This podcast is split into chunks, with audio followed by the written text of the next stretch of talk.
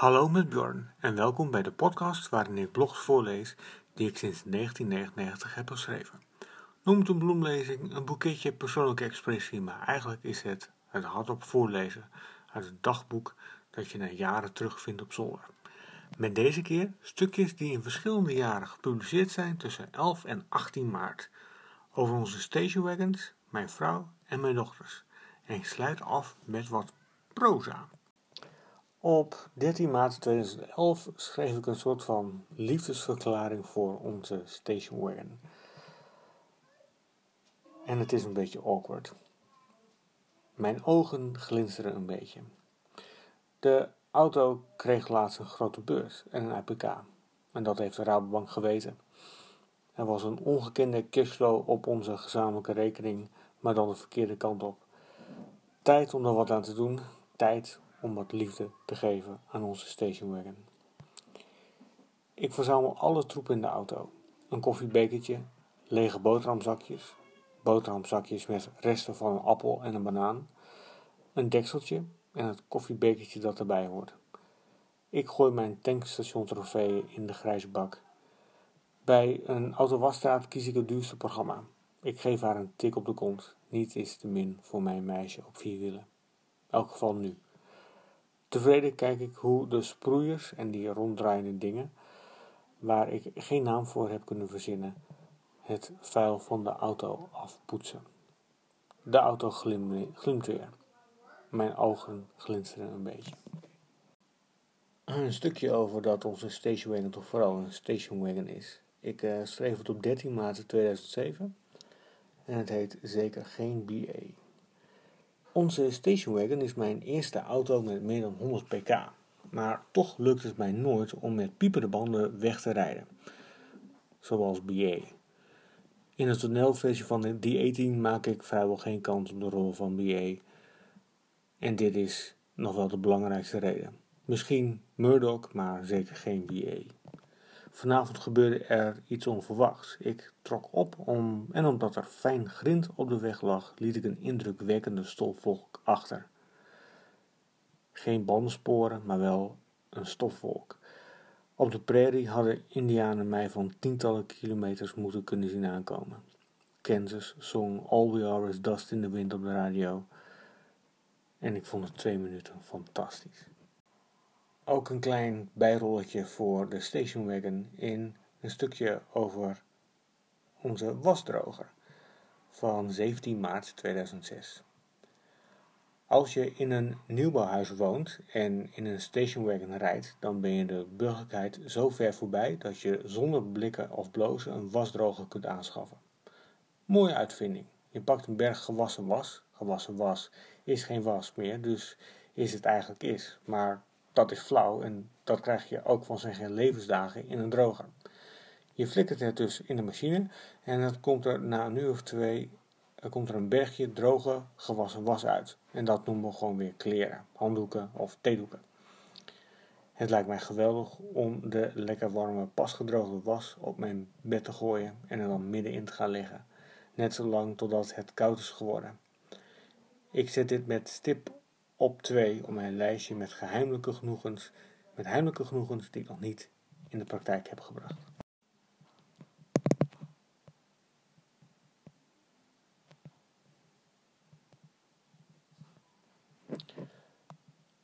Uh, tijd voor wat proza. Ik kwam het stukje plaatsdelict tegen, uh, geschreven op 14 maart 2004. Plaatsdelict. Regen komt verticaal naar beneden. Het rood en blauw van zwaailichten schijnt als een diffuus halo om politieauto's. Rood-witte linten sluiten het plaatsdelict hermetisch af.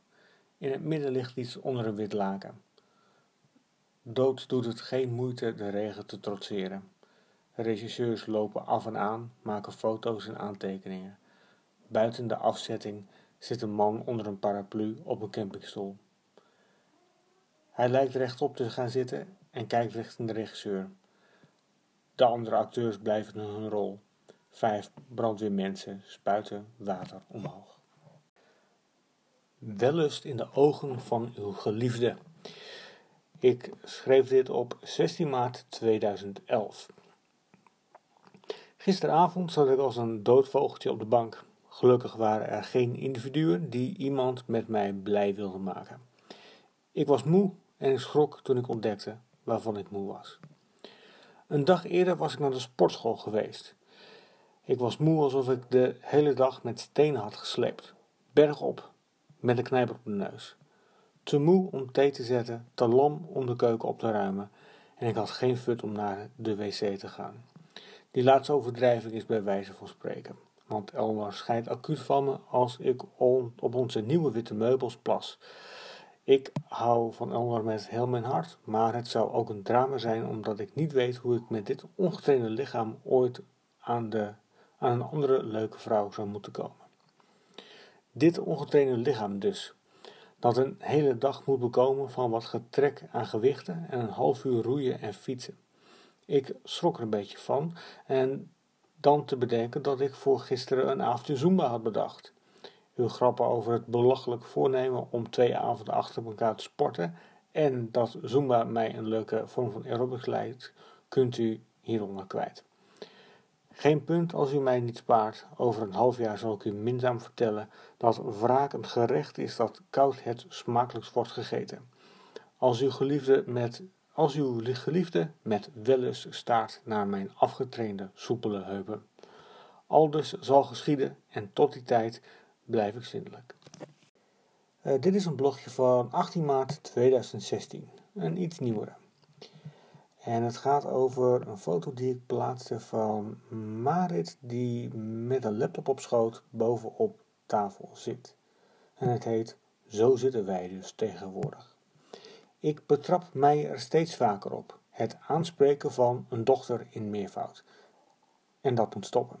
Want, zeg nou zelf, je klinkt als een politieagent uit een slechte detective uit de jaren 50. Wat zijn wij daar aan het doen, mevrouwtje?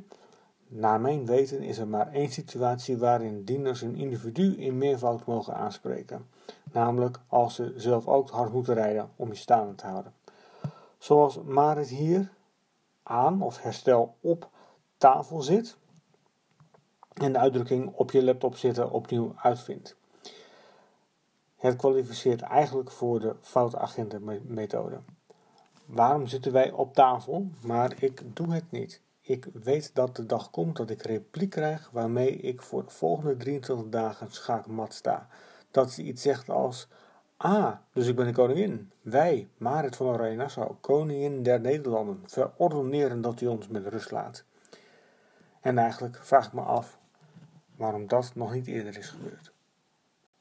Dit blogje komt uit 8, is van 18 maart 2010 en ik schreef het op de dag dat wij in ondertrouw gingen. En het heet, maar wij zijn nog maar in ondertrouw. De mooiste scène uit Turks Fruit. Rutger Houwer en Monique van der Ven fietsen midden op de weg. Ze zijn dolgelukkig, want ze zijn net getrouwd. Ze slingeren over de weg en houden het verkeer op. En het is groot en meeslepend gelukkig zijn. Je hoort muziek van Toet Tielemans. Zo fietsten wij vanmorgen ook. Al zat Elmore niet bij mij achterop. En we hielden ons ook keurig aan de verkeersregels. En wij gingen terug naar ons werk. Niet terug naar huis om het nieuw huwelijk te consumeren. Maar ja, wij zijn nog maar in ondertrouw. In deze week in 2007 schreef ik een reeks blogs die allemaal dieet minder heten. En dit is het vierde deel. En dat heet dus dieet minder 4. Ik ben op dieet, of liever lifestyle change. Als je het woord dieet laat vallen, zijn er altijd drie personen aanwezig die Sonja Bakker roepen. Nee, dat is het dus niet. Het gaat bij mij om veel meer. De laatste jaren heb ik veel te weinig aan beweging gedaan. En ik heb standaard te veel, te lekker gegeten. Ik ga dit live met een, ik ga dit live met een plan. Als het een beetje te Oprah wordt, te Oprah wordt, dan hoor ik het wel. Op tijd slapen, geen tussendoortjes. Ik wil binnen 10 weken een half uur kunnen hardlopen. Ik drink veel water en niet meer dan drie koppen koffie. Dit plan speelt al een tijdje door mijn hoofd, maar vrijdag hakte ik Pardoes de knoop door. Op mijn werk konden we realtime de resultaten van een actie volgen. Dat ging als een tiet. Iemand had al geroepen dat als we boven een bepaalde score uh, zouden komen, dat we dan champagne zouden krijgen. En daagde mij uit iets vergelijkbaars te doen. Mijn belofte was nog maar koud voorbij. Mijn lippen of ik was al officieel op dieet. Of lifestyle change dus. De komende tijd zullen jullie Bridget Jones-achtige berichten voorbij zien komen. Zondag 18 maart, 100 kilo, 0 paaseitjes, morgen champagne op het werk. Ik wil hierbij het woord Bjorn Franken introduceren. Zielig tekeningetje, een blog uit van 14 maart 2012. Eleanor ging gisteravond zwemmen met een buurvrouw. Daar is niets schokkends aan. Duizenden vrouwen trekken baantjes in zwembaden in Nederland. Het schijnt zelfs veel voor te komen in ons omringende landen. Maar ik dacht er anders over. Ze wilde mee. Ze had ook een waterdichte redenering. Ze had vandaag een margedag, dus mocht ze opblijven. Dus dan kon ze wel mee. Een klein meidendrama ontvouwde zich voor onze ogen. Ik zal jullie de details besparen. Het eindigde als volgt. Ik pluk Maris van Elnor af, Elnor loopt naar buiten en Marit zet de tweede acte van haar stukje in. Ik besluit om geen aandacht aan te schenken. En ik heb elke met het uitknippen van getekende brilletjes die ze voor haar knuffelhonden heeft gemaakt. Na een minuut of tien bij de voordeur te hebben gehangen, komt Marit de woonkamer in. Ze kijkt om zich heen en pakt een groen vouwblaadje. Ze gaat tekenen en even later vraagt ze of ze ook op de laptop mag. Tevreden over de adequate manier waarop ik dit aan heb gepakt, ga ik wat opruimen. Stimpeltje, een knuffel, ziet weer scherp en heeft een rommelige keuken opgemerkt. S'avonds, voordat we naar bed gaan, ruim ik de keukentafel op. Ik vind Marit's tekening. Ik schiet de lach. Ik zie een huilend meisje met vlechten zitten bij een gigantische deur en in de verte loopt een poppetje met een zwemtas weg. Als ik van Marit nog een papa's meisje wil maken, dan moet ik er echt opschieten. 13 maart 2010 keek ik naar een programma met Jolante Cabau van Koosbergen op, um, zo heette ze toen nog, ehm, bij de Tros. En ik uh, kwam tot de conclusie dat de televisie is vreed voor vaders.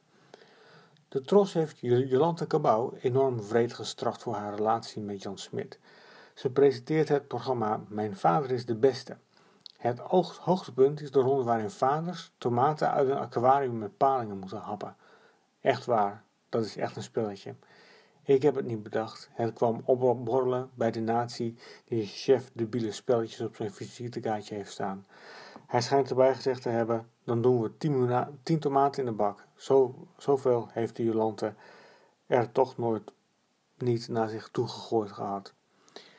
Vrede wereld, die televisiewereld, zeker voor de vaders die meedoen. Na veel chantage van een achtjarige piraatje en dreigementen van een seksueel huwelijk zijn ze overstag gegaan. Halverwege de uitzending zie je de opluchting op het gezicht van de afvaller. De wanhoop in de ogen van de andere vaders wordt alleen maar groter. De vaders moeten presteren. Vaders kunnen niet winnen in dit programma. Als je afvalt ben je een loser en als je wint dan ben je de beste in het happen naar tomaten in een aquarium vol paling. De druk van het kind is al groot. De aanwezigheid van Jolante voert de druk alleen maar op. Met een mooie jonge vrouw in de buurt gaan mannen alleen maar meer hun best doen. Ook al is de kans op succes nog zo klein, mannen worden weer jagers met een lekkere prooi in de buurt. Ook al zijn ze hun vrouw, kinderen, eergevoel en uiteindelijk de volledige inboedel van hun nieuwe huis kwijt als ze toch succes blijken te hebben. Vreed. Vaders zijn altijd de lul op televisie en geen Jolante die daar wat aan kan doen. Op 16 maart 2016, 2010 sorry, begon de lente. Dus ik schreef: Goedemorgen lente. Het gras is nog geel-groen van de wintersneeuw die er weken op heeft gelegen. De lente steekt voorzichtig haar vinger op, zoals in een sprookjesbos. De zon breekt door de wolken, her en der wolkt het blauw. Vannacht vroor het nog een paar graden, maar de zon heeft als een duurzame krabber de autoruiten schoongemaakt. Kabouter Plop leest voor op de autoradio. Elke luistert aandachtig, maar het bladert in haar vriendjesboek. Ik iPhone dit stukje, we wachten tot kwart over acht. Bijna te laat voor school. Het laatste stukje publiceerde ik op 10 maart 2020. Um, het is een herinnering aan uh, mijn eerste baan Ik denk dat ik hier de komende tijd wat vaker over ga vertellen. Ehm, het is dus gebaseerd op wat ik me kan herinneren. Uh, met dingen die ik nieuw bedacht heb. Dus het is soort van echt gebeurd, maar aan de andere kant ook niet representatief voor, voor wat er daadwerkelijk gebeurd is. Het heet Voer, Hatzee. De oprichter was Chinees aan het halen. We hingen wat rond een tafel in het keukentje van het webbureau. Er hing een stilte. De afgelopen dagen hadden we hard gewerkt aan het online brengen van onze website. En bij uitzondering werkten ze over op zondag. We konden spreken over kleuren, lettertypes en de plaats van buttons, maar voor de stilte tussen werk en schaft hadden we nog geen gesprekstof. Hoe harder ik iets probeerde te bedenken, hoe stiller het werd tussen mijn oren. Als ik iets tegen de collega wilde zeggen, dan moest dat urgenter zijn dan koetjes of kalfjes, vond ik. Opzichtig riep de bureaudirecteur vanuit de studio: Voer! De oprichter liep binnen en zette drie plastic tassen, uh, gevuld met een halve rijsttafel, op tafel. Ik voelde opluchting, koude kaken, hoeven niet te praten. Halverwege mijn tweede bord nasi stootte de junior programmeur me aan. Hij knikte met een hoofd naar de overkant van de tafel. Zijn neus stootte een gniffel uit. De senior programmeur was zijn derde bord naar binnen aan het scheppen. Een lepel rijst wachtte ongeduldig op het openen van zijn mond. De bureaudirecteur riep Hatsé! toen de lepel leeg uit zijn mond gleed. De oprichter keek op van zijn sms'jes met een glimlach. De junior programmeur lachte korrels rijst over tafel. De collega en ik lachten ongemakkelijk mee met, met dichte mond. In een poging deze smeerboel te stoppen, zei ik: Dat CSS is toch best nieuw voor me. Wanneer kun je het beste een span gebruiken in plaats van een div? Ik had mijn HTML-kennis overschat. Pagina's die buiten het systeem vielen moesten handmatig worden opgemaakt en daar worstelde ik wat mee. Ik begreep niet goed waarom ik nu pas op deze stiltevulling kwam. De senior programmeur keek me aan, wees met zijn lepel naar mijn buurman en zei met volle mond: Dat kan Sonny je wel even uitleggen.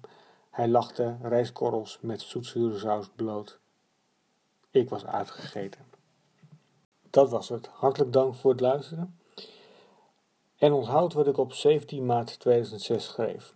Als je geen geweten hebt, dan heb je in elk geval geen slecht geweten. Tot de volgende keer.